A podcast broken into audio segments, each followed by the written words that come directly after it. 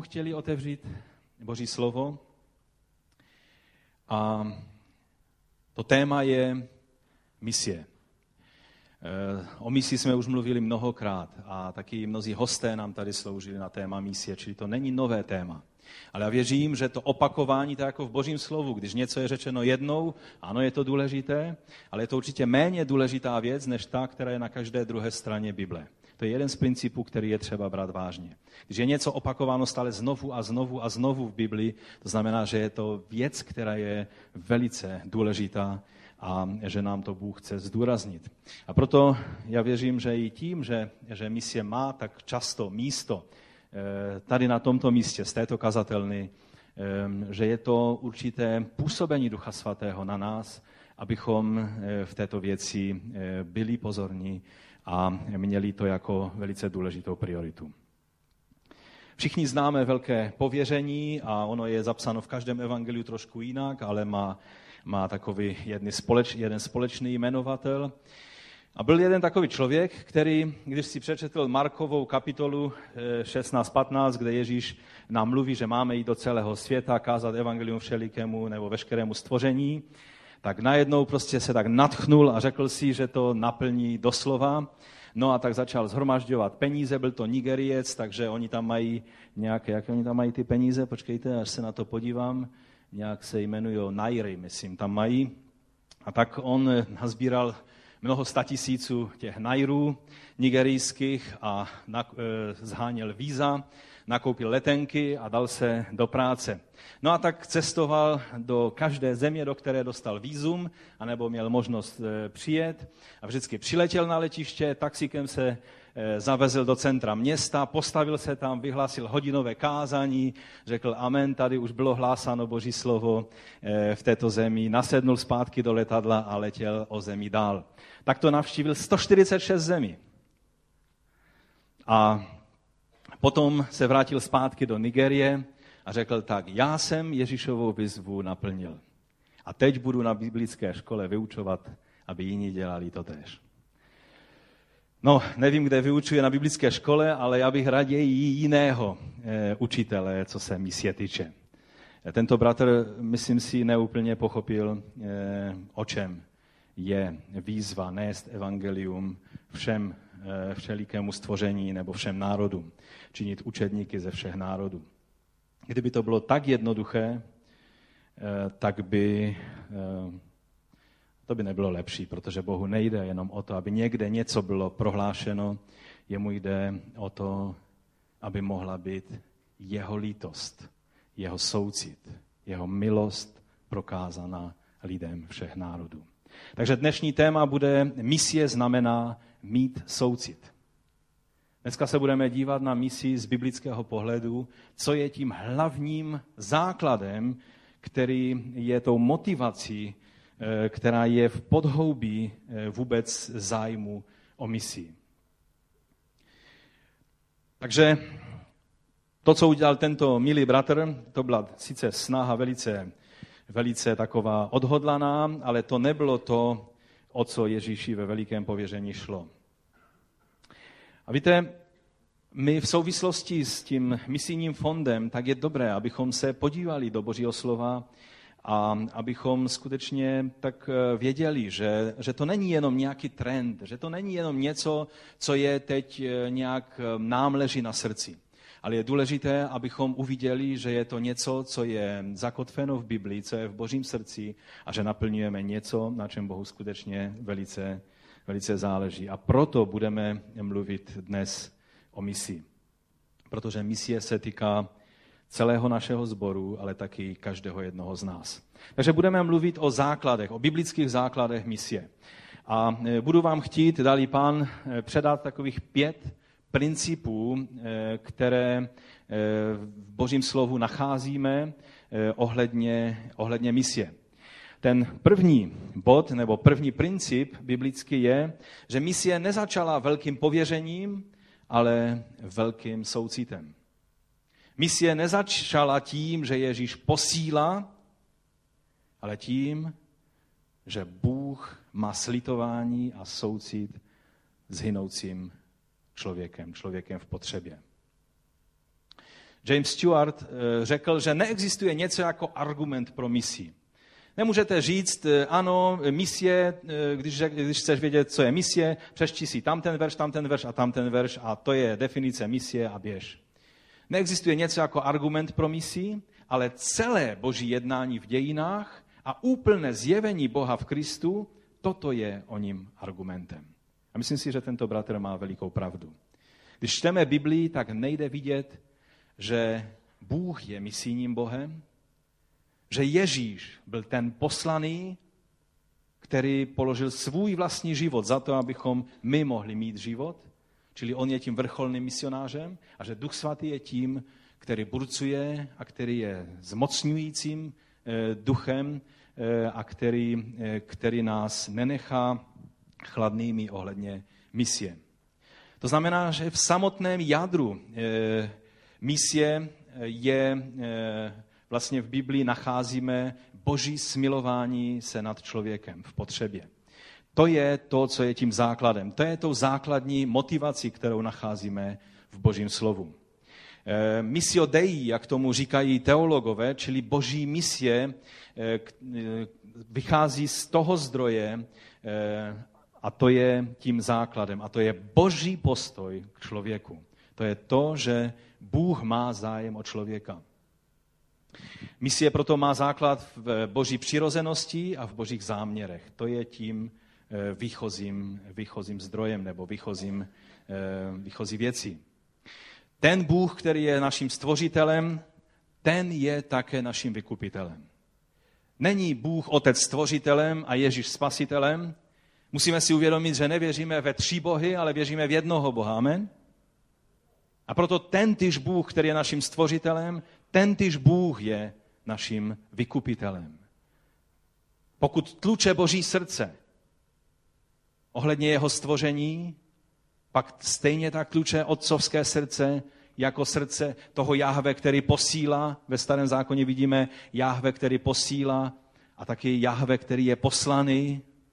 A vidíme toho Kyrios, pána, který je poslaný k nám jako spasitel, ale to je tentýž jeden Bůh Abrahamův, Izákův a Jakobův, který je jako trojediný Bůh nám zjeven a který se zjevuje a jeho srdce tluče e, směrem k záchraně a k pomoci každému člověku.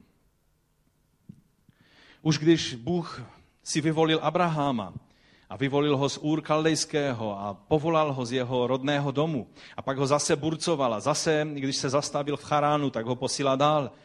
To je, to, to, tím důvodem bylo, že Bůh toužil mít někoho, skrze koho bude moci požehnat všechny čeledí země. Skrze Abraháma, když ho Bůh povolával, tak si řekl, a toto bude ten kanál, ten průduch mého požehnání pro veškeré čeledí země. A tak to se stalo. A dodnes platí, že v Abrahamovi je požehnán každý člověk na země tváří. Ať si to uvědomuje, nebo si to neuvědomuje. Pak, když Bůh vzbudil Mojžíše, aby šel do Egypta a osvobodil Izraelce z jejich poroby, tak co řekl Bůh jako zdůvodnění toho? Co řekl? Jejich volání o pomoc přišlo až k mým uším. Víte, Bůh nezůstal chladný, když slyšel volání Izraelců o pomoc. A Bůh přišel a vzal Mojžíše a zastavil ho v tom jeho takovém, on byl určitým způsobem na útěku, že? A on ho zastavil a teď Mojžíš se mu začal vymlouvat, ale já jsem koktavý a to a já už nevím a už nejsem zvyklý a už, tam dlouho, už jsem tam dlouho nebyl a, a Egypt už se posunul dál, to už je jiná země než tu, kterou jsem znal kdysi. Teď už spíš jenom tady jsem u toho dobytka. A Bůh byl velice netrpělivý, protože on slyšel křik Izraelců v Egyptě, ale taky měl ještě další věc na srdci a to je, že z toho národa, který byl vyveden z otroctví, Bůh chtěl vytvořit národ kněžský, který bude jako kněžím a jako příkladem a jako světlem pro všechny národy, skrze kterého to abrahamovské požehnání bude moci být dáno všem národům. Toto byl boží záměr. Bůh je Bohem, kterému vždycky leželo na srdci a ne, nedokázal zůstat hluchý na volání o pomoc lidí, kteří k němu volali. Když pak přišel pán Ježíš na tento svět, není možné si nevšimnout, když čteme ty zprávy, které čteme většinou o svátcích e, vánočních, když bylo oznamováno narození Mesiáše, tak je tam v tom takové nadšení, když ti anděle to oznamují. Já, já si to vždycky, vždycky mě to udeří, když to čtu v evangelích, že je tam tak obrovská slavnostnost, takové nadšení, taková, taková, takového něco, jako by celé nebe bylo úplně na špičkách a těšilo se a nemohl se dočkat toho, až tu slavnou zprávu budou moci předat lidem. Proč? Protože se narodil ten, který je mesiáš izraelský a vykupitel a spasitel každého člověka. A ta dobrá zpráva pro nás je, že on nezůstal jenom mesiášem izraelským, ale paradoxně a jakoby v takovém zvláštní situaci, kdy Izrael váhal a kdy, kdy vedoucí Izraelci odmítli e, svého mesiáše, tak to se paradoxně stalo požehnáním, protože Bůh, e, aby vzbudil žárlivost v Izraeli, tak rozdal to spasení všem lidem, i takových divochů, jako byli Moravané a Češi. Tady ty kmeny, které někde z Ázie se za Kaukazu přišli, jako my se cítíme jako velice civilizovaní lidé. Ale jinak vůči těm národům, které o Izraeli je řečeno, že to byl národ. A že skrze nenárod, nebo lid pošetilý, lid, který není ani národem, Bůh zbudí žárlivost u Izraele. A my jsme jedním z těch nenárodů. Z těch národů bývalých divochů. Eh, já nevím, jestli jste četli o třeba Moravanech, kteří tady žili v těch chatrčích a zemляnkách kdysi a byli, projevovali se, když se díváme s takovým opovržením na divochy v džungli a říkáme se, no ti jsou dokonce lovci lebek a tak dále. Já jsem četl, že byly běžné projevy kanibalismu mezi našimi předky. Omlouvám se vám. Velice civilizovaný národ. A to, o tom se nechtěl vůbec mluvit to, to nadšení, které Bůh má v tom, že může spasení dát všem lidem, i těm nejcivilizovanějším, jako bylo třeba Ninive, kde, kde žil národ velice civilizovaný, ale velice krutý a velice pyšný. Ale Bůh viděl dál, než byl jenom ta slupka, která byla na jejich povrchu. A tak, jak jsme v pátek, teda v, ve středu, mluvili v aliančním týdnu, tak Bůh věděl, že oni pouze potřebují se zastavit, aby činili pokání a činili pokání daleko rychleji než prorok, který jim toto pokání kázal. A toto je Boží srdce. Protože Bůh tak miloval svět, takto, tak mocně, tak silně, takovým způsobem miloval svět, že dal svého jednorozeného syna, aby žádný, kdo v něj věří, nezahynul, ale měl věčný život. Když jsme mluvili o tom Jonáši, když se podíváme na tu celou knihu Jonáše, a věřím, že jste ji mnohokrát četli, protože to je nádherná kniha a taky je i hodně legrační kniha.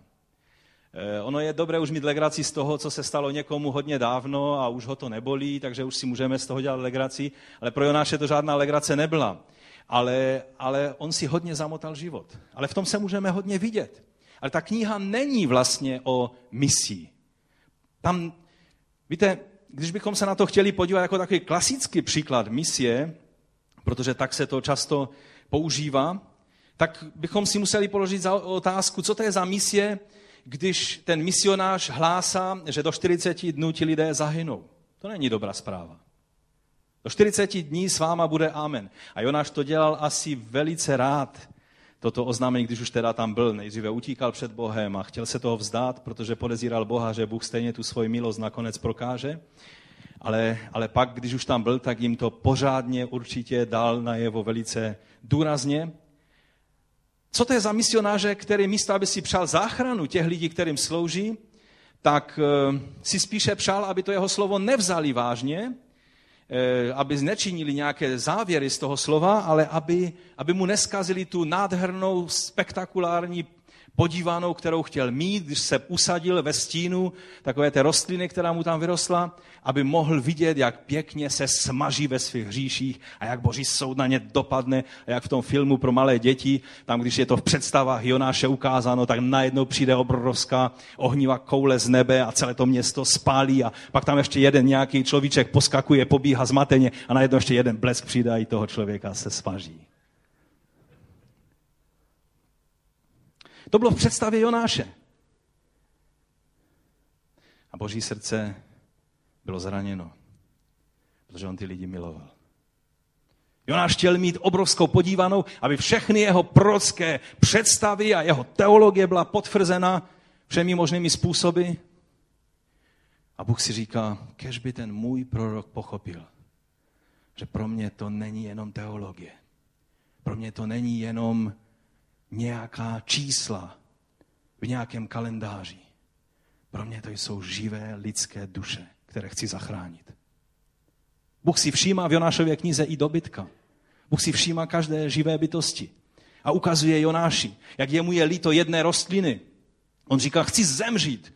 A byl rozzlobený. A Bůh mu říká, proč se tak zlobíš? Zlobím se, protože je to správné, že se zlobím, říká Jonáš. A jemu nebylo líto celého obrovského města, tak byl sobě středný. Ta kniha není o misii, že to by byla spíš karikatura, karikatura misie, ta kniha je o božím smilování, o božím soucitu, o božím srdci. O tom je ta kniha. Tam je ukázán Bůh jako ten, který nese záchranu, který dává, dává svoji záchranu. Bůh, který musí soudit, protože on nemůže nechat, aby hřích zůstal bez trestu. Ale on, když je jenom náznak pokání, tak velice rychle a ochotně dává svoji milost.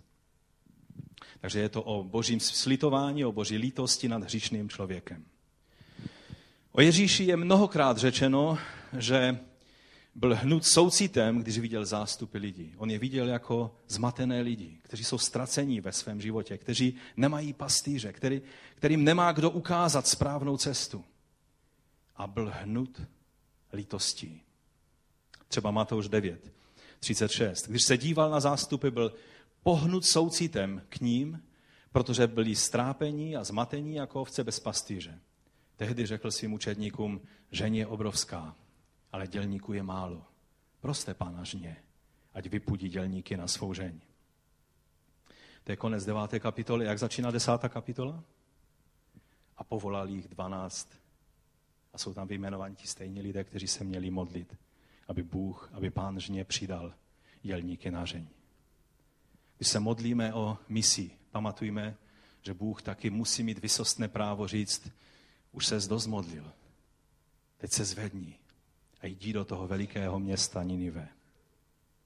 A mluvím Boží vůli. A tehdy v tom okamžiku by bylo velice pošetilé udělat to, co udělal Jonáš, že bychom utíkali před Boží tváří. To slovo, které je tady přeloženo jako soucit, pohnut soucitem, já jsem si dal hodně času, abych si prostudoval význam toho slova, protože ono je velice, velice zajímavé. Když máte ty studijní Bible, eh, český studijní překlad teda, tak když se tam podíváte do poznámky, tak tam je poznámka, že to řecké slovo splanchy ze stají eh, se v Nové smlouvě vyskytuje pouze u synoptiků, to je v prvních třech evangelích, a souvisí s podstatným jménem útroby, vnitřnosti. Eh, které v klasické řečtině v přeneseném smyslu může taky znamenat prudké hnutí myslí, vzrušení, ale nepouž- není použito eh, nikdy ve významu soucit. V klasické řečtině to není slovo, které znamená soucit. Ale e, tak jako třeba eh, odborníci na na řečtinu Molten a Milligan ve svém slovníku, tak oni vlastně mluví o tom, že, nebo se domnívají, jsou přesvědčení, že to slovo vzniklo mezi Židy, kteří žili v diaspoře, v helenistickém prostředí a oni vlastně tu svoji semickou nebo hebrejskou představu o tom, co znamená soucit, přenesli do řeckého jazyka a proto to souvisí s vnitřnostmi. Protože v hebrejštině, když se mluví o citech, tak se vždy mluví o útrobách. Vždy se mluví o tom, že se vám pohne něco ve vašich vnitřnostech. A toto slovo, ono, ono je takové dost drsné slovo, ono v řečtině zní podle odborníků hodně tak prostě zvláštně, ale v Biblii ono je používáno, protože eh, dalo by se říct, že je to slovo, že něco se v nás musí pohnout, když máme soucit. Něco, se, něco to s náma hýbe, něco se s náma musí stát. Nemůže nás to nechat klidnými. Toto přesně to slovo znamená.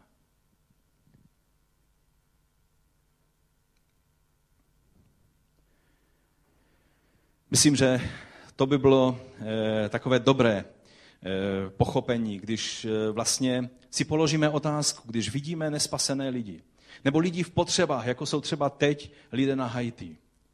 Jestli nás to nechá klidnými, anebo jestli to s náma hýbe. Jestli naše útroby jsou skutečně pohnuty. Víte, když se najíte něčeho špatného, tak vaše útroby jsou ve velkém pohybu. A vy to cítíte. Nejde to necítit. A podobné slovo je tady použito, že to začne hýbat s vašimi střevy, s vašimi útrobami, když máte soucit. Nemůžete jinak, než se projevit jako lítostiví a soucitní lidé. To je velice silné slovo. Takový je soucit Boží nad námi a to od nás očekává Bůh. Všichni víme, že je napsáno, že Bůh dává pokoj, že je to u Filipským napsáno, že Bůh dává pokoj, který přesahuje všechno chápání. Známe to slovo, že? A víte o tom, že je taky napsáno, že je láska, která přesahuje všechno chápání? K Efeským ve třetí kapitole, v 19. verši je napsáno a poznat Kristovu lásku přesahující chápání, abyste byli naplněni do veškeré plnosti Boží. Takže nejenom pokoj, který Bůh dává, přesahuje lidské chápání, ale taky láska, ten soucit, ten vztah, ten postoj, ten, to hnutí mysli je přesahující lidské chápání. Druhý princip, eh, který, eh, o kterém budeme mluvit biblicky, je řečený v tom slovu, které eh, máme před sebou, jako mě poslal otec, i já posílám vás. Tady je napsáno v tom širším kontextu od 19. verše, večer téhož dne, onoho prvního dne v týdnu, se učedníci kvůli strachu z židovských představených sešli za zavřenými dveřmi. V tom přišel Ježíš, postavil se do prostředních a řekl jim, pokoj vám. Tím jakoby je uklidnil, dal jim, dal jim bezpečí, dal jim pokoj, dal jim to, co potřebujeme, abychom byli v tom božím šalom, v tom, v tom božím způsobu plného pokoje. Protože naše slovo pokoj neobsahuje to všechno, co obsahuje slovo šalom. Ale Ježíš mluvil hebrejsky a pokud mě někdo chce opravit, že aramejsky, tak přijďte za mnou, můžeme o tom podiskutovat. Nejnovější výzkumy ukazují, že Ježíš mluví hebrejsky a je to velice zajímavé studium a potvrzuje to spoustu věcí z Biblii, ale na to nemáme dnes čas. Ale když Ježíš řekl šalom, tak v tom bylo obsaženo to všechno, co člověk potřebuje pro pozemský život. A on řekl šalom. A po těch slovech jim ukázal své ruce i bok a učedníci byli šťastní, že vidí pána. Znovu opakoval Ježíš, pokoj vám. A pak jim řekl, jako mě poslal otec, já posílám vás. Jako mě poslal otec, tak já posílám vás. Já jsem byl poslan otcem a vy jste posláni mnou. Paralela. Já jsem poslaný, vy jste poslaní. Jak já jsem byl poslan, tak jste vy posláni za jakým účelem já jsem byl poslán, za takovým účelem vy jste posláni. S tím postojem a motivací, s jakou já jsem byl poslán, což je soucit a lítost, s tím postojem a motivací jste vy poslani, což je soucit a lítost. Toto je to slovo, které Ježíš řekl. A to je princip číslo dvě. Že Ježíš Kristus je stělesněním misie. On nejenom, že nařídil misi z nebe, ale on se stal stělesněním tohoto principu a přišel na tuto zem a v misiologii se používá slovo inkarnační princip. Že misie musí být stělesněná. Nemůže být jenom teoretická, ani nemůže být jenom bezosobní, ale vlastně je nejvysostněji vyjádřena tím, když někdo přijde a žije v, e, mezi tím lidem tak, jak Ježíš žil mezi lidmi a chodil a pomáhal, tak jak Římanům, eh, tak je ve skutcích napsáno, že chodil a pomáhal všem, kteří byli trápeni od ďábla.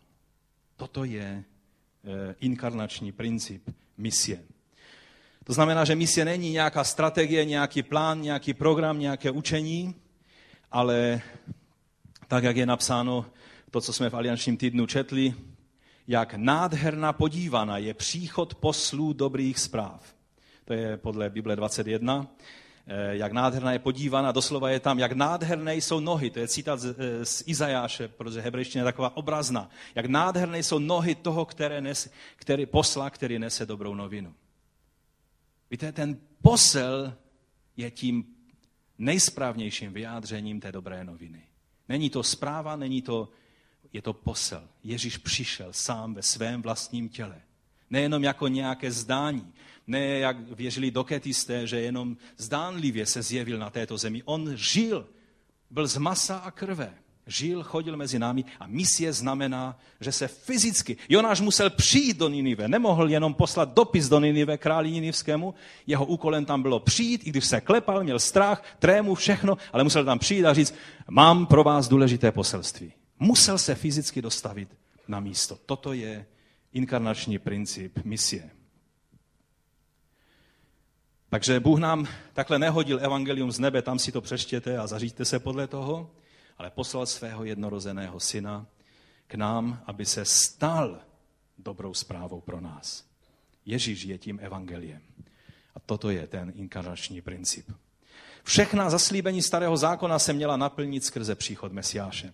Když studujeme tento, toto téma, je to obšírné téma, nemáme dneska na to čas, ale je to nádherné téma. Třeba když čteme Izáš 11. kapitolu, v první verši je řečeno, z Jíšajova pařezu vyrazí proutek, výhonek, ten necer boží, vyrazí z kořenu a přinese ovoce a pak tam je všechno napsáno, to nádherné zaslíbení, to si přečtěte doma. A devátý verš říká, už žádná zloba, už žádná záhuba, nikde na celé mé svaté hoře. Země bude plná poznání hospodina, tak jako vody naplňují moře.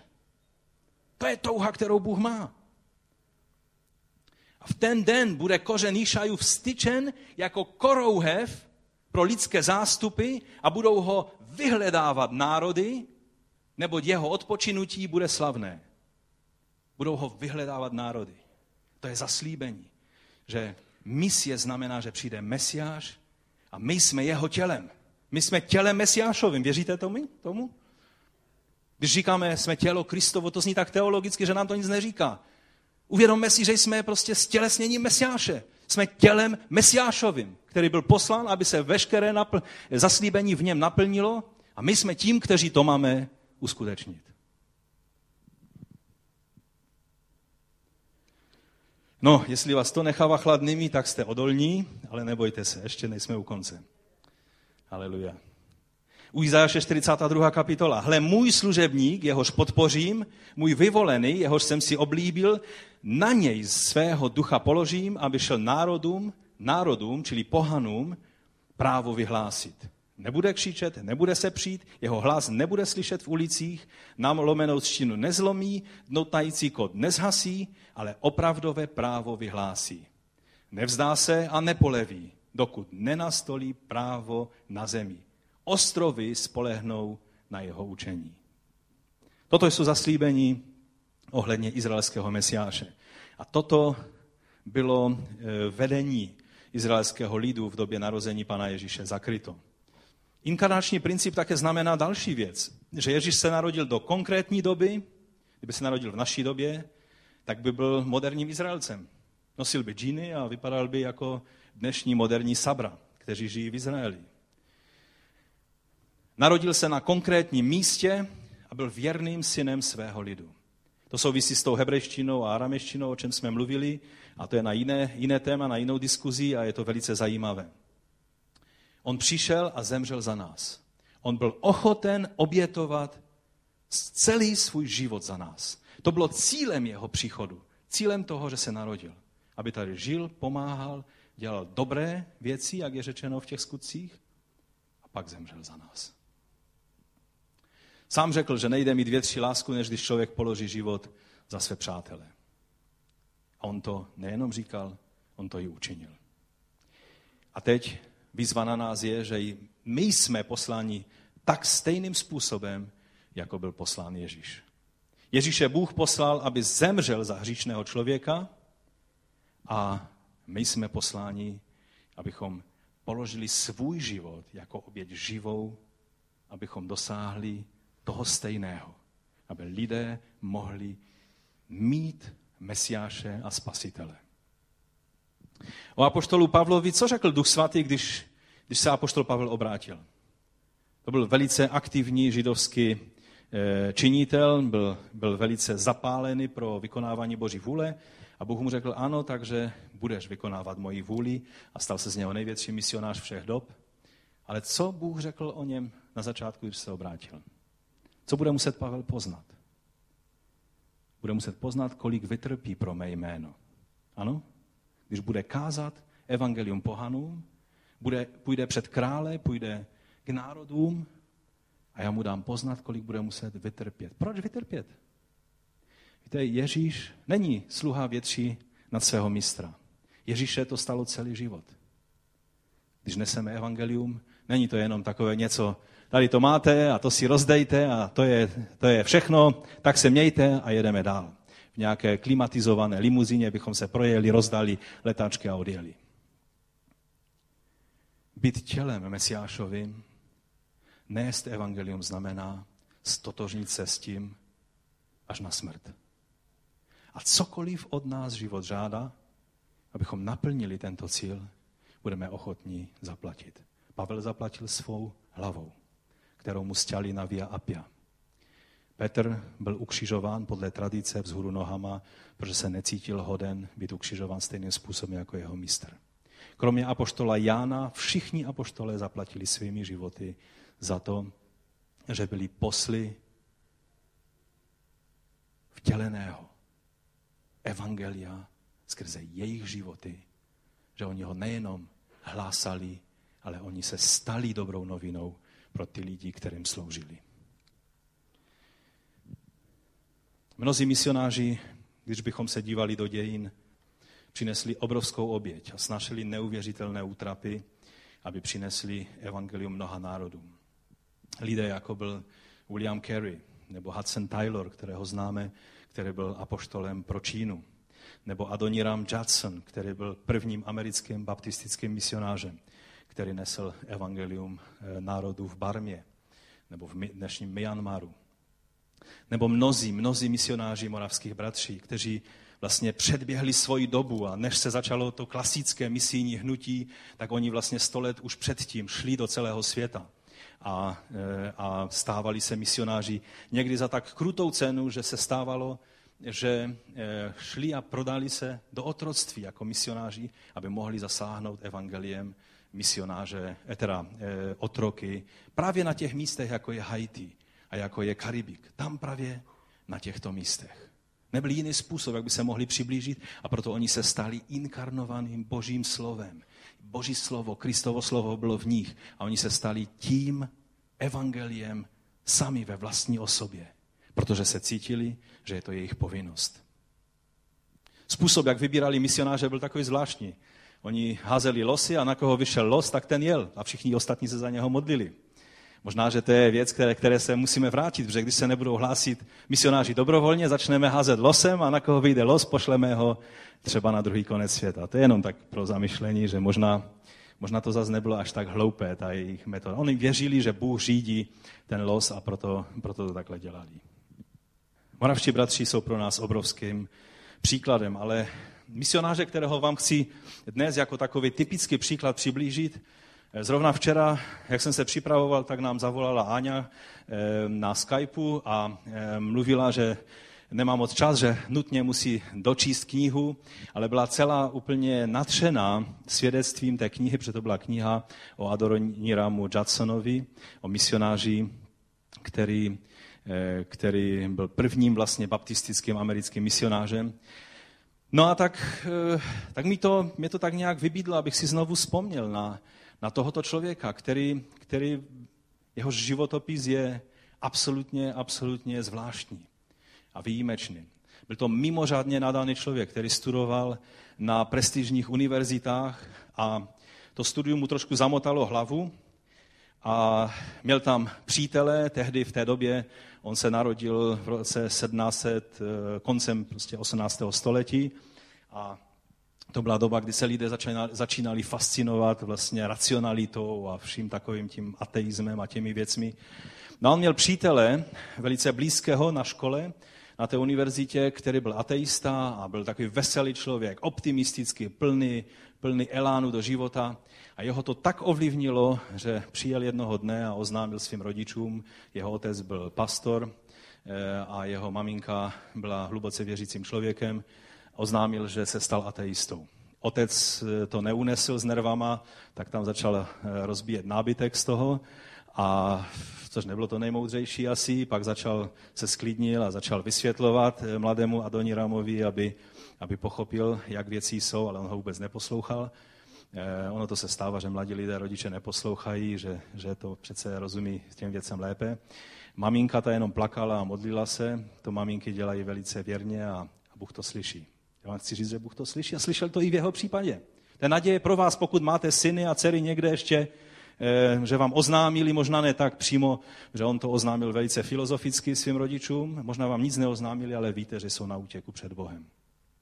Odjel do New Yorku, žil hýřivým životem, Eh, snažil se být ateistou, seč mohl a potom se rozhodnul odjet na západ, protože slyšel eh, zajímavé zprávy o, o vlastně západním pobřeží, tehdy to ještě nebylo obydlené, tak, takže na cestě se zastavil v jednom malém hotelíku, a tam měli už jenom jednu postel volnou v jednom pokoji, který byl jenom plentou oddělen od jiné, jiného pokoje.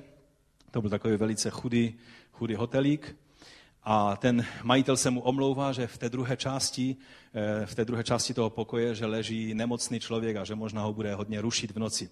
Ale Adoniram byl prostě tak rozhýřený, že říkal, co mě může vyrušit, tak tam ještě eh, prostě do pozdních noční, nočních hodin nějak eh, si povyrážel.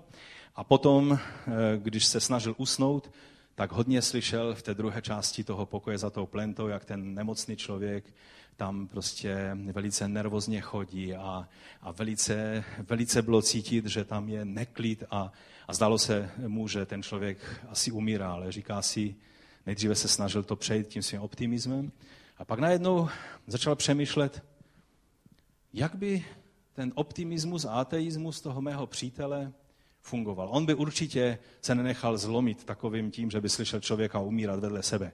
A tak se zase sebral a říká, budu se chovat tak jako ten můj přítel, který je tak plný optimismu a ví, že život je jenom jednou a tak dále. No, pak usnul, spal dlouho, už bylo světlo a když přišel ráno, teda dopoledne, když přišel na recepci, tam vedle už byl klid, tak říká tomu majiteli, eh, jak se tam daří tomu mladému člověku. Už tam bylo potom ráno potichu. A on mu řekl, jo, on zemřel. Byl to mladý člověk, který studoval hodně ve svém životě na univerzitách. Na které univerzitě studoval? No na TAT. Eh, později ona se jmenovala Browns University. A, a jmenoval se a řekl jméno toho jeho přítele. To Adonirama zlomilo natolik, že si najednou uvědomil, slyšel jenom jednu věc ve svých uších zatracen, na věky zatracen. K čemu mu byl jeho optimismus? K čemu mu byla jeho filozofie? Když v poslední hodinu nebyl, kdo by se nad ním postavil a zachránil ho. A křičelo mu v uších najednou veškeré informace, které měl ze svého dětství o tom, že jen jednou žijeme a pak přijde Boží soud. Toho zlomilo natolik, že řekl, já musím něco udělat. Vydal svůj život pánu a řekl, já chci pomáhat lidem aby nemuseli umírat a jít do zatracení a rozhodnul se být misionářem, vzal si mladou, energickou a krásnou dívku jako manželku a odjel, odjeli lodí na, do Barmy jako misionáři, po tom, co všechny ty přípravy proběhly. První dítě se jim narodilo mrtvé z důvodu nemocí a problémů, které měli na lodi. To byla první rána, kterou prožil. Když přijeli do té země a narodilo se jim druhé dítě, tak jelikož tam je džungle a jsou tam všelijaké nemoci, tak jim za krátkou dobu druhé dítě zemřelo. On sloužil způsobem, velice, byl eh, velice inteligentní člověk, překládal Bibli eh, z původních jazyků, z hebrejštiny, z řečtiny a prostě pracoval velice těžce. Snažil, eh, snažil se, nebo naučil se velice kvalitně jazyk té barmštiny, jakýmkoliv jazykem tam mluví Potom, když začala válka s Brity, tak ho zavřeli do vězení. To vězení v Barmě, to je to nejstrašnější, co můžete zažít. Tam mu začalo maso eh, odpadávat zaživa, protože byl tam jak hromádka hnoje v té věznici, v železech a ve strašném stavu. Ale jeho manželka se snažila zachránit ty jeho překlady Bible a tak mu tam eh, po částech to přinášela do vězení, aby mohl pokračovat ve své práci. Pak přišli Britové, osvobodili ho a a nabídli mu lukrativní službu, protože on znal skvělé poměry a znal eh, jazyk, tak mu řekli, že může sloužit eh, u vládních vlastně eh, jako v tom představenstvu vládních úřadů britských v Myanmaru nebo v Barmě a on to odmítnul, protože měl důležitější úkol. A pokračoval dále v tom díle. A udělal mnoho, mnoho věcí a ta Bible byla, eh, vlastně musel vytvořit slovník pro ten jazyk takový, že po dalších sto let to byl ten jediný plný slovník, který tento národ měl. Udělal obrovské dílo. Pak se dozvěděl, že mu zemřela manželka, protože on byl zrovna na služební cestě a, a v té době mu zemřela manželka. Pak si vzal eh, druhou manželku, manželku zemřelého misionáře, spolupracovali chvíli, pak mu i ta druhá manželka zemřela. Pak jim zemřela dcera, kterou měli, poslední.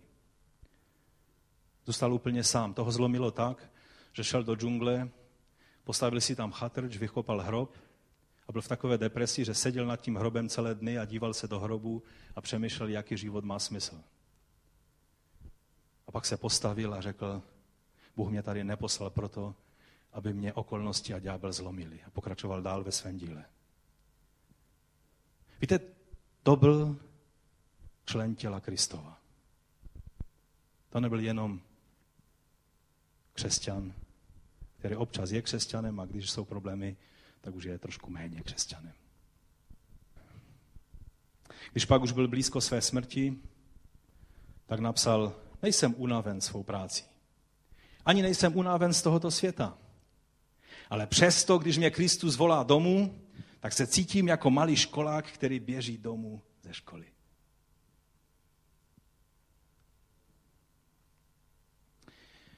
Když zemřel, tak po něm zůstalo asi 7 tisíc barmských křesťanů, 63 zborů, 123 misionářů.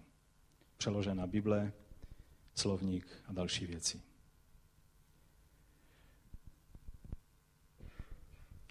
Dnes je asi 17,5 tisíce různých etnických skupin po celém světě. Různé skupiny lidí, kteří mají něco společného, kteří kteří buď mluví stejným jazykem, nebo jsou stejného náboženství, stejné kultury. 17 tisíc takovýchto skupin. Ještě 5 tisíc z toho jsou téměř vůbec nezasažení evangeliem, anebo tak, že to nemá žádný valný dopad na tuto etnickou skupinu. A Bůh je stále ten týž, který se nebojí pozvat, tak jako Judson řekl, když mu říkali, tak vzdělaný člověk, ty jsi mohl udělat obrovskou kariéru, ty, ty jsi jeden z nejinteligentnějších lidí, který byl na té univerzitě v té době. A on řekl, protože oni mu říkali, teď přece tam ti divoši v džungli, oni mohli mít i trošku takového méně vzdělaného, méně inteligentního člověka, ne?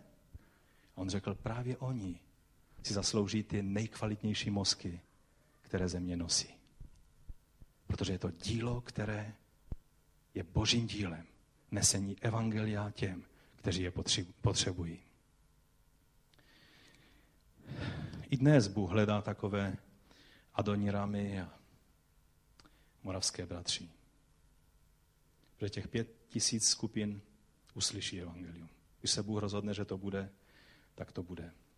Pokud chcete více informací o těch nezasažených skupinách nebo nejméně zasažených skupinách, tak můžete třeba jít na www joshuaproject.net. Možná to tam Benjamin bude moci hodit do poznámky na, eh, na, na projektor, abyste si to mohli zapsat a tam je spousta informací o těch skupinách. Nebo můžete přijít do kanceláře nebo za mnou a můžete se dozvědět více o tom. Třetí biblický princip, který, eh, který je velice důležité pochopit, je, že je to Duch Svatý, který dává moc ke konání misie. Není to síla, která pochází z nás. Nebyl to dobrý a silný a vzdělaný Adoniram Judson, ale byl to duch boží, který se ho chopil a udělal to z něj, kým on byl. V tom našem textu z Jana 2021, když se podíváte, tak tam je hned na to verš o tom, že Ježíš dechl na učedníky. Jo, když je to poslání, tak hned na to je řečeno, že Ježíš dechl na učedníky a řekl, přijměte Ducha Svatého. A ve skutcích víme, že je napsáno e, další verze, kterou zapsal Lukáš, že přijměte ale moc Ducha Svatého, přicházejícího na vás a budete mými svědky v Jeruzalémě, v celém Judsku, v Samaří a až na, až na konec světa. Čili, že uschopnění, zmocnění Duchem Svatým není jenom proto, abych já byl dobrým křesťanem, ale proto, abych nejenom, že jsem dobrým křesťanem, ale abych byl dobrým vyjádřením Boží lásky a soucitu vůči ostatním lidem a misie je toho vyjádřením. Duch svatý zmocňuje, Duch svatý vidíme ve skutcích, on byl administratorem, iniciátorem, on byl tím, který vlastně to všechno dělal.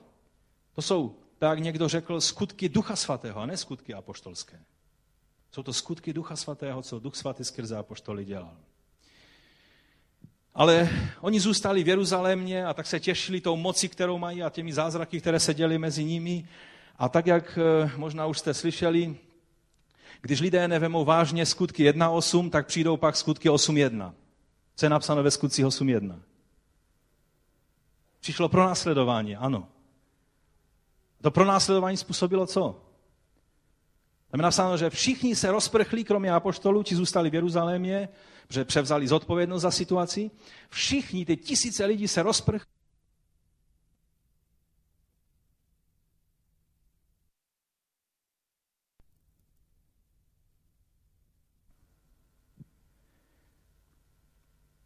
To je to, k čemu nás bude Duch Svatý vždycky burcovat. Nenadarmo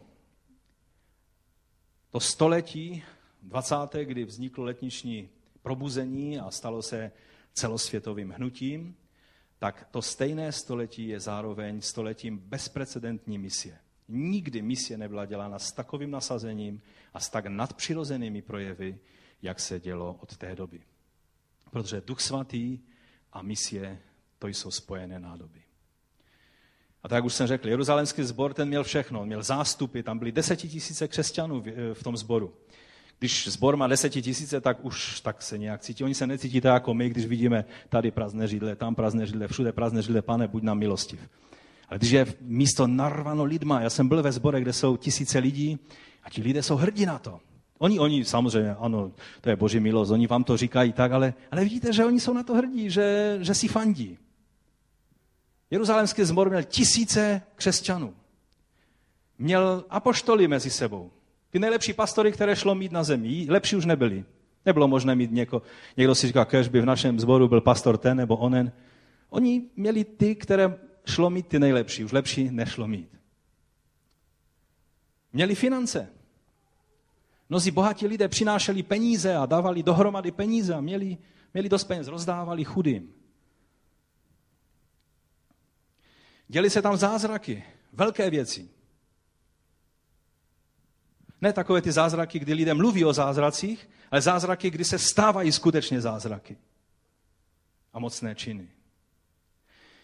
Měli, když měli večer svědectví, tak to nebyly svědectví o tom, že někoho bolelo tady v boku a někoho bolela hlava, anebo že někdo v zácpě eh, v autě Bůh udělal zázrak, že najednou byla před ním otevřená cesta, ale svědectví, které slyšeli, to byli očití svědkové toho, co Ježíš dělal.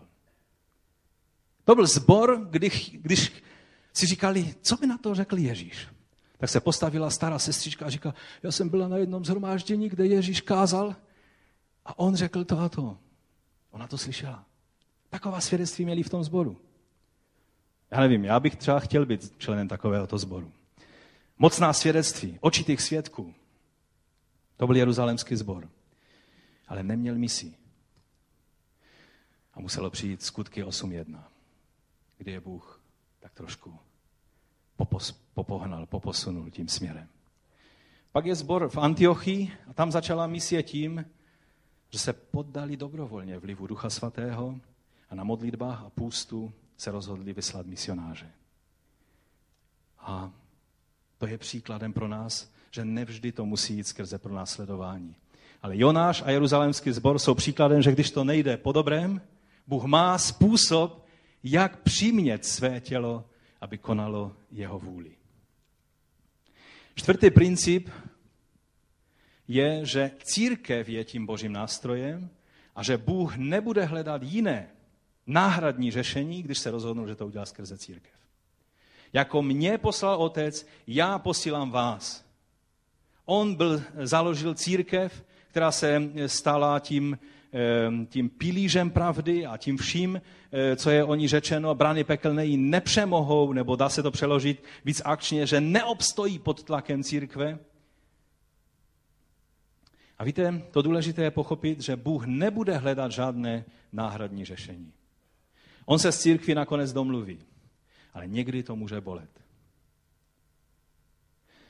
Z toho příkladu Jonáše, jestli jste si všimli, a já jsem to tam řekl na tom, na tom kázání ve středu, že když se Bůh rozhodnul podat zprávu, co hrozí Ninive a vlastně tím, jim, tím je vyprovokovat k pokání, když se to rozhodnul udělat skrze Jonáše, tak i když Jonáš chtěl utíct na druhý konec světa, tak Bůh řekl, já jsem se už jednou rozhodl, že to bude Jonáš. Anděle přišli, no dobré, ale se podívej, Bože, on je, on je na cestě úplně jiným směrem. Kdy to už je i nerentabilní ho tahat tam odsaď. On je úplně na jiném konci světa. Pošli někoho věrnějšího. A Bůh řekl, ne. Já jsem se rozhodl, že to učiním skrze Jonáše. Pošlete tam tu rybu, kterou jsem speciálně připravil. Není zrovna pohodlná, ale bude sloužit našemu účelu. No a Bůh to zařídil, že Jonáš splnil to, co mu Bůh svěřil. Když se Bůh rozhodl, že to učiní skrze církev, on to skrze církev učiní. Všechna náhradní řešení, která se hledá, různé způsoby, které se hledá. Protože klasická církev, zbor, který, který má své členy, který má své vedení, který, Eh, mnozí lidé říkají, to už je dneska přežitek, je třeba se jinak zorganizovat. Najít jiné tvůrčí způsoby, jak můžeme nést evangelium, protože církev už je zastarala, už nefunguje. Bůh se rozhodnul, že to udělá skrze církev a on svého cíle dosáhne. Ale někdy nás to může bolet. Bude nás předělávat, jak předělával Jonáše. Když bylo třeba rybu, byla ryba, která ho spolkla. Bylo třeba, aby ho ryba vyzvracela, tak ho vyzvracela. A Jonáš šel a naplnil to, co měl.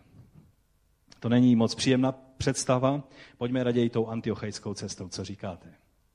Že budeme naslouchat Duchu Svatému a necháme se vyprovokovat Duchem Svatým a ne okolnostmi, které jsou někdy velice nepříjemné. Pátý a poslední princip je, že když Jonáš šel do Ninive, tak v Ninive to nebylo takové město jako Jeruzalém, kde všichni říkali šalom, Jahve je Bůh. Tam se děly věci, které Jonáš v životě na oči neviděl.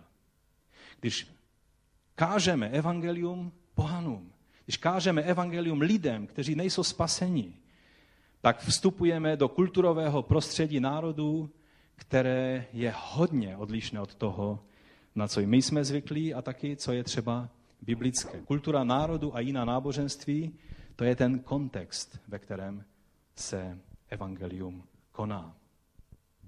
A je rozdíl mezi islámskou misí a křesťanskou misí. Když si všimnete, jak dělají e, e, muslimové svou misí, tak oni, e, oni se rozhodli, že jediný svatý jazyk je arabský a i lidé, kteří, kterým se hodně nelíbí arabština, já jsem mluvil s některými Persy, s Iránci, a oni to těžce nesou, že Korán, a říkají, Allah udělal takovou zvláštní věc že dal, že dal Korán v jazyce takovým, jako je arabština. Protože oni, oni se cítí, že perština je mnohem nádhernější jazyk a že správně by to mělo být v perštině. Nemá se překládat. Když se překládá, tak to nemá autoritu. Správně Korán má mluvit pouze v arabštině a kdo ho chce studovat, musí studovat arabštinu. Ať je to v Afganistánu, ať je to v Iránu, ať je to kdekoliv. Arabové samozřejmě mají výhodu, protože arabsky už mluví. A Ovšem s křesťanskou misí je to jinak. Díky Bohu, že je to jinak. Byly takové záchvěvy v dějinách, kdy se zdálo, že Bible bude jenom v latině a tak dále. Ale díky Bohu za překlady, za to, že máme Bibli v našem jazyce. Celá Bible byla přeložena minimálně do 260 jazyků a část Bible do tisíců jazyků. A to souvisí s tím, jak vnímáme, jak, jak, jak Bůh ukazuje v Božím slovu, že Boží slovo má být přístupné pro každého člověka. V jeho jazyce, v jeho prostředí. Protože misie není dělat e, z Afgánců Židy anebo Čechy, už vůbec ne, aby jedli kled, kled, knedlíky a zelí, tak to by asi moc nezvládli. Ale aby to byli afgánští křesťané, aby to bylo afgánské vyjádření těla Kristova. S tím vším, co to znamená. Tu barvu, tu, tu atmosféru samozřejmě dává to kulturové prostředí.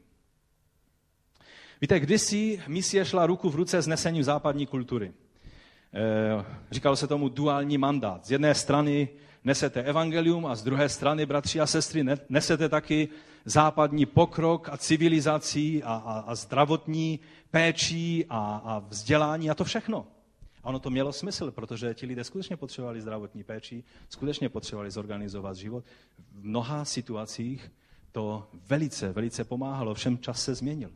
A myslím, že vám nemusím vysvětlovat, že dnes bychom s něčím takovým nepochodili, protože lidé jsou velice vysazení vůči tomu, když jim přinášíte svoji kulturu, svoji často nevědomou nadřazenost a takovou tu patriarchálnost a, a nějaké takové, no my tě naučíme, jak máš žít. Musíme být daleko pokornější, daleko více si být vědomí toho prostředí, do kterého jdeme. Abychom nesli evangelium a ne naše představy o životě. Ovšem,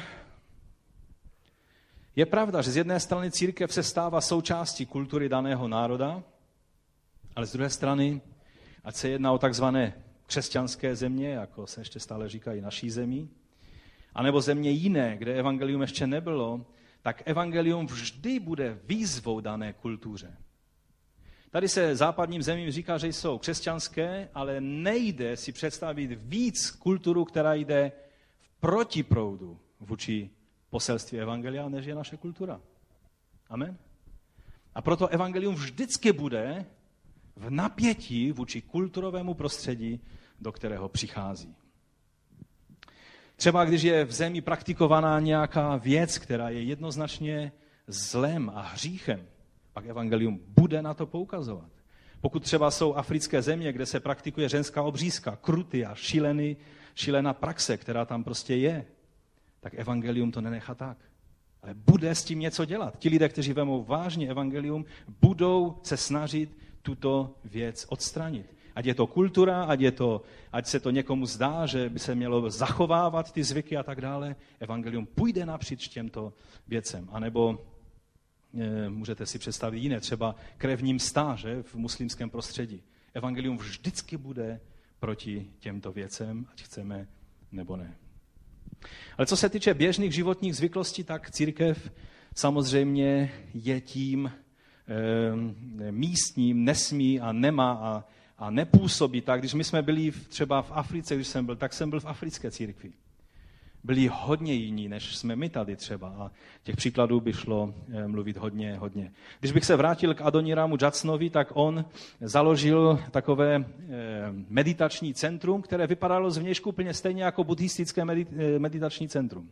A lidé tam přicházeli, že se posadí a že budou meditovat a on k ním přicházel a mluvil s nimi o živém Bohu. Ale to centrum vypadalo úplně stejně jako každé jiné meditační centrum, které, které tam bylo které sloužilo buddhistům. Když si vzpomenete na bratra Teklu z Etiopie, tak to je přesně to, o čem on mluvil. Že oni sloužili muslimům způsobem, nebo slouží muslimům způsobem, který pro ně je srozumitelný, pro ně je přijatelný. A Bůh se přiznává. Takže, abych to nějak zhrnul k závěru, protože můj čas už je nenávratně pryč, vždy si musíme položit otázku, jak se Boží soucit a Boží smilování na daném místě má projevit. Když sloužíme lidem, a to platí ať tady ve Svibici, ve městě, eh, v našem kontextu, tak až na samotném konci světa, protože to jsou ty čtyři dimenze naší služby, eh, když se podíváme na to úplně od základu, tak jsou dvě základní skupiny lidí. Jaké to jsou? Bible dělí lidi na dvě skupiny. Prosím? Židé a pohané. Židé a národy. Jsou dvě skupiny lidí, ať se to komu líbí nebo ne, prostě to tak je. Je jeden národ, který si Bůh vyvolil jako smluvní národ, a pak jsou národy a etnika. Čili základní dělící čára je, že jsou židé a pohané. Ta obrovská dobrá zpráva pro nás je, že to, co patřilo výsostně smluvnímu národu Izraeli, se stalo naším. My jsme se stali účastí tohoto zaslíbení skrze Boží milost, která je rozšířena na všechny lidi. Ale stále platí to, že evangelium a mesiáš byl židovský mesiáš a přijde na konci věku jako židovský mesiáš a my jsme se stali účastí tohoto díla. Služba židům, eh, o tom jsme mluvili tady v pátek v průběhu aliančního týdne a vidíte, jak se to překrývalo, tyto věci, je velmi specifická a nemůžete tam přijít a říct, tak já ti teď řeknu, jaká je Boží vůle, já ti řeknu něco o Bohu a já ti řeknu o tvém mesiáši. Protože se tak na vás budou dívat a řeknou si, když má někdo mluvit o Bohu, já ti řeknu eh, o Bohu něco, co nevíš.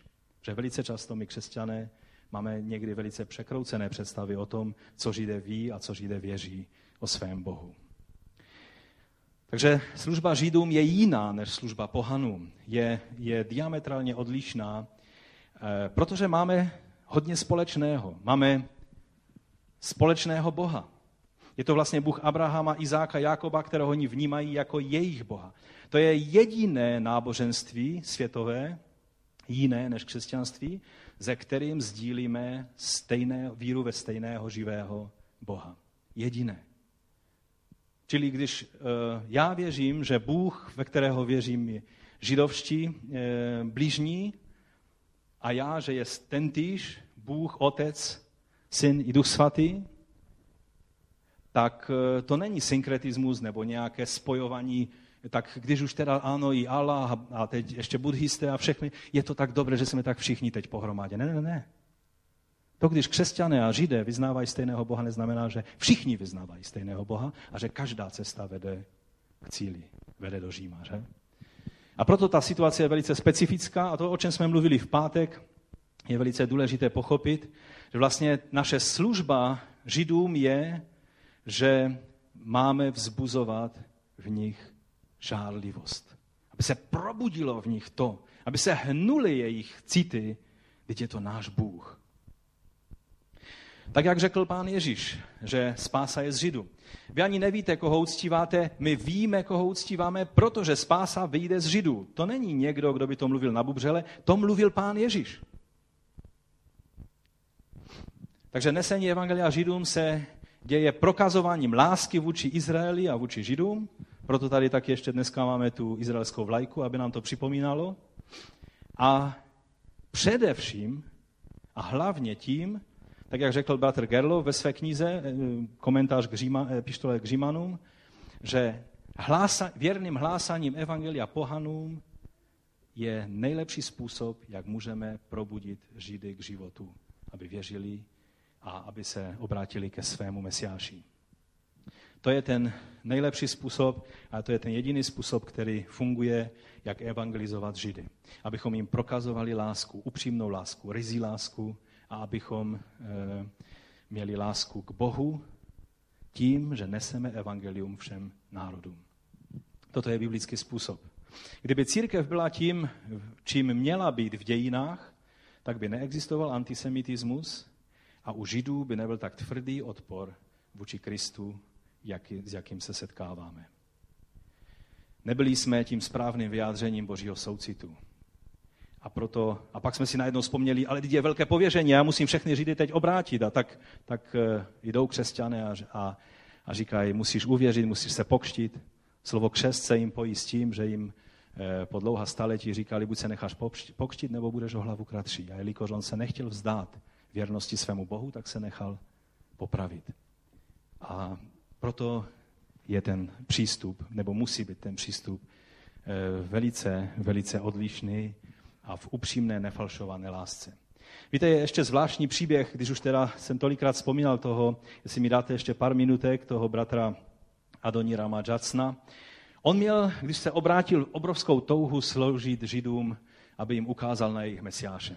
Ovšem Bůh ho pak povolal do Barmy, to je dost odlišné místo než, než Izrael, ale ta, ta touha v něm, že by chtěl jednou přijít do Jeruzaléma, na ulicích Jeruzaléma, alespoň nějakému Židovi říct o lásce Mesiáše, v něm stále byla.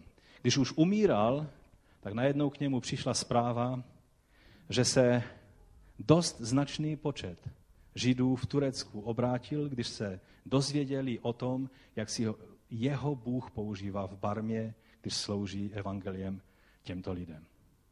A on byl z toho v úžasu. Najednou pochopil, že tím, že vykonával Boží vůli a byl rizím křesťanem, tím sloužil Židům ke spasení. Já věřím, že jsme pochopili tento princip. Pojďme, pojďme dál, protože ještě jsou další skupiny. Eh, pak je služba pohanům. Pohany, eh, pohany, z pohanů bych chtěl vypíchnout takové tři základní skupiny, a to jsou muslimské národy. A muslimské národy, jestli, jestli můžeš ještě přeskočit dál, tak ty můžeme zasáhnout jedině boží mocí. Není možné, abyste se hádali s muslimem a nějak dospěli k tomu, že on řekne, máš pravdu. Není možné. Ale Bůh má své způsoby. A proto je třeba, abychom byli božím nástrojem, abychom byli na svém místě tam, kde jsou muslimové a i takovýto kluci, kteří jsou přesvědčeni o své pravdě, kteří s kalašníkovem v ruce a s vybušninama na svém opasku si představují, že budou sloužit Allahovi a budou za to odměněni 70 neposkrněnými panami v nebi, tak i takovýto kluci se obrácejí a vydávají své životy pánu. Já jsem se setkal s jedním člověkem, který už byl starší ode mě, který byl takovýmto chlapcem. Byl velice vlivný v teroristické organizaci.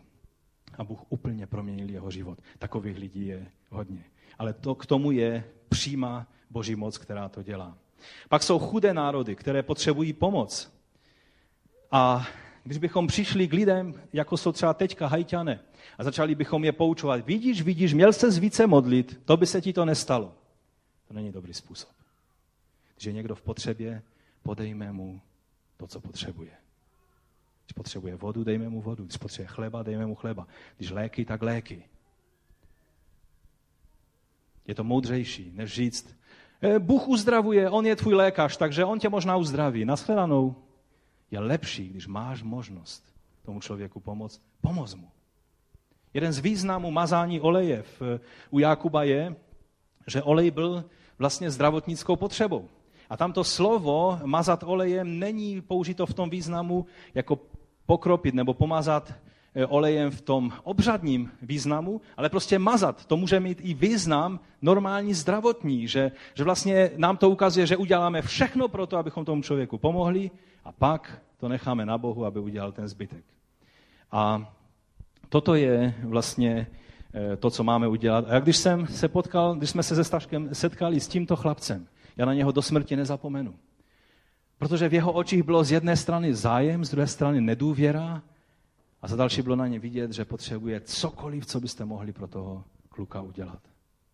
A já si uvědomuji, že takovýchto dětí, takovýchto národů, celých národů je na světě spousta.